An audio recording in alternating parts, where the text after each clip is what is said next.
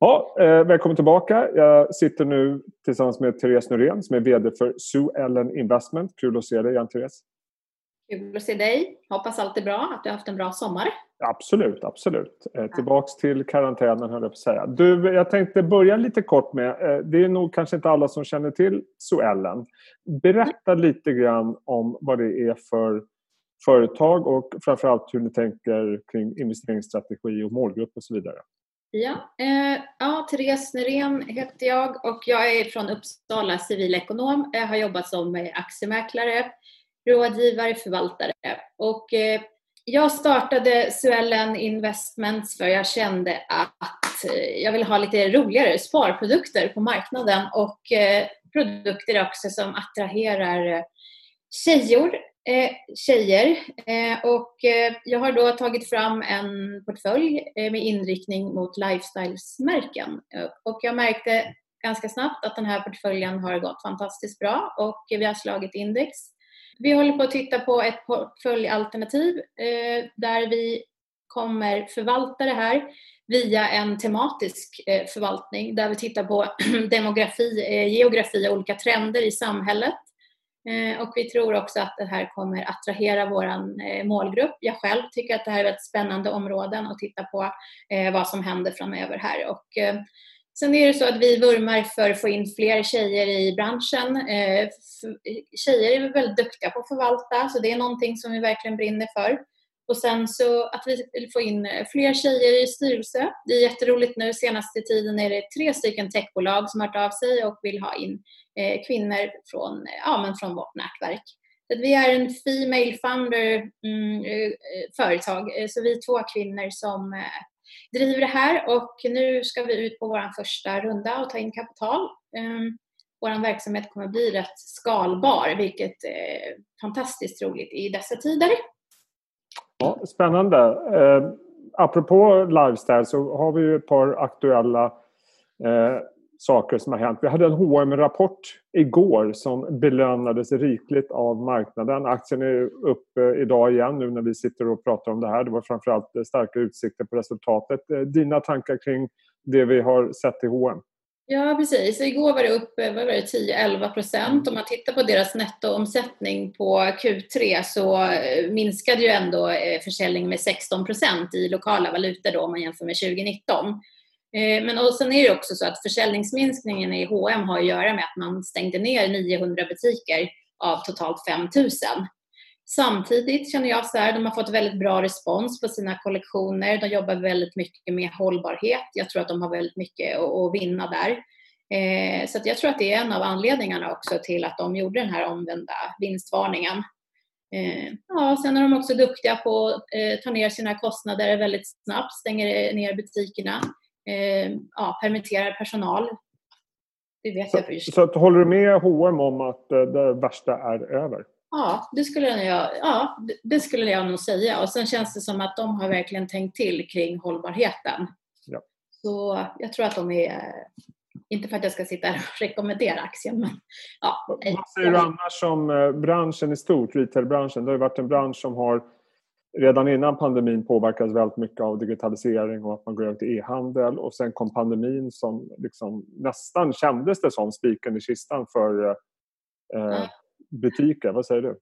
Ja, precis. Nej, men jag tror så här, om man tittar rent generellt så det är klart att e-handeln har ju ökat. Men också i, som i tider i, där det har varit corona så har också, eh, jag tror att butiker men också många retailbolag har möjlighet att ställa om. Och tittar man på hela retailbranschen så är de inför en jättestor game changer. Eh, det vill säga att man måste se över alla Eh, eller de måste se över sina affärsmodeller. Man tittar på att man ska ha en cirkulär, eh, cirkulär ekonomi Eh, man tittar på liksom ökad kvalitet, man tittar på man kanske ska hyra kläder eller att man tittar på även på liksom sälja vidare till second hand om vi pratar eh, eh modebranschen nu. Eh, och sen tittar man också på nya teknologier där man kan effektivisera eh, tekniken. Man tittar på eh, hur man kan reducera vatten, kemiska utsläpp. Så jag tror också samtidigt att coronatiden gör ju att många av de här tillverkarna, retail och de får liksom, det blir tid för reflektion och hur, hur, hur ska vi tänka även ur ett hållbarhetsperspektiv. Eh, så det tror jag väldigt mycket på. Och sen också att man eh, börjar, om man tittar på Hennes till exempel, då har ju de börjat recycla mycket material. Så att eh, det materialet som man köper in blir ju då att man återanvänder det hela tiden och tittar på, ja, men på, på strukturer och tekniker, hur man kan utvinna det här på ett sätt. Så jag tror att det blir liksom eh, det kommer, bli, det kommer vara positivt för retailbranschen just att man tittar på hållbarheten, att det är det som är det vinnande konceptet i, liksom, i framtiden. Man tittar också väldigt mycket på spårbarhet i produkter eh, och sådana saker så att man har liksom hela kedjan. Så jag tror att det kommer ju påverka retail och ja, men, eh, ja, den branschen. Så de som är duktiga inom de här områdena kommer på något sätt ta sig igenom den här förändringen på ett positivt sätt, komma ut starkare ja. på andra sidan? Eller? Ja, jag tror faktiskt det. I, I och med att man tittar väldigt mycket på hållbarheten nu, att det är det som är, som är liksom väldigt viktigt nu här eh, framöver. Så eh, absolut. Och apropå H&M, det här är ett bolag som eh, har exponering mot dollar väldigt mycket. Vad säger du om den dollarförsvagning vi har sett och framförallt hur den kan komma att påverka ja, alltså, framöver?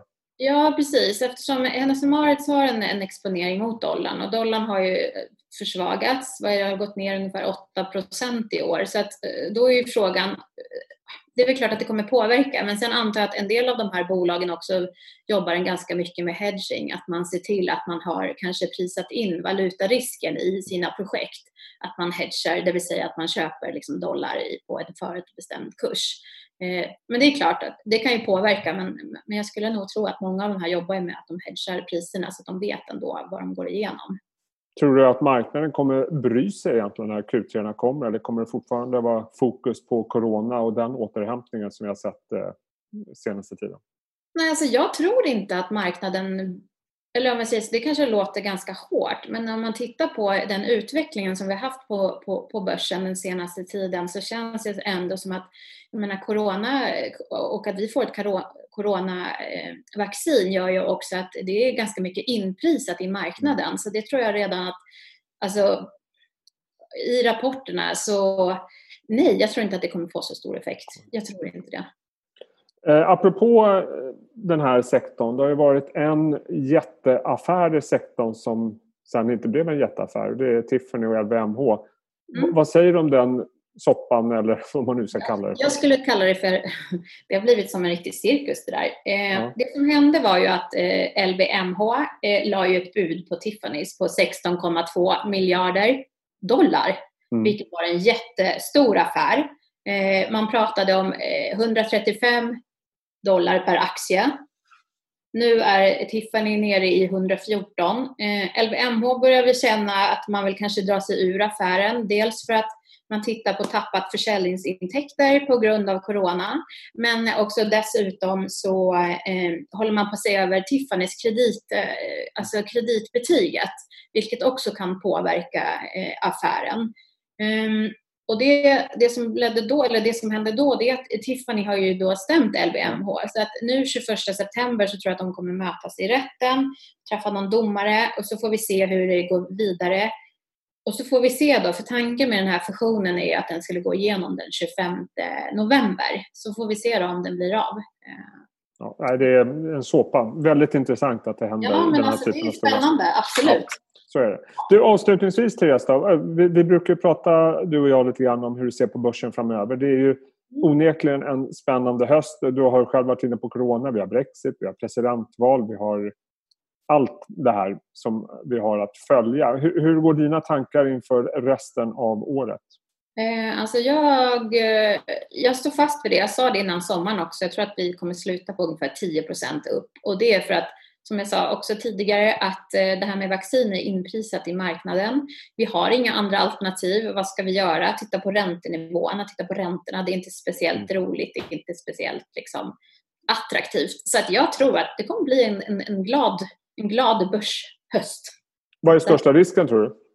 Eh, största risken tror jag det är om det blir en, kommer en ny sån här Black Swan eh, någonting. Mm, det ju vara om, om kanske techbolagen brakar åt skogen, men eh, att en andra våg eller corona skulle påverka börsen mer, det tror jag inte. För att länderna kommer inte stänga ner om det blir så, utan man kommer hantera det kanske mer på ett svenskt mm. sätt. Um, Ja, det, det, blir spännande höst helt enkelt, som vanligt. Men det känns som den här lite extra eh, spännande med många intressanta händelser. Eh, mm. Therese Norén, jättekul att prata med dig och eh, stort lycka till med Suella. Ja, tack så mycket. Ha det bra. Tack. Ja.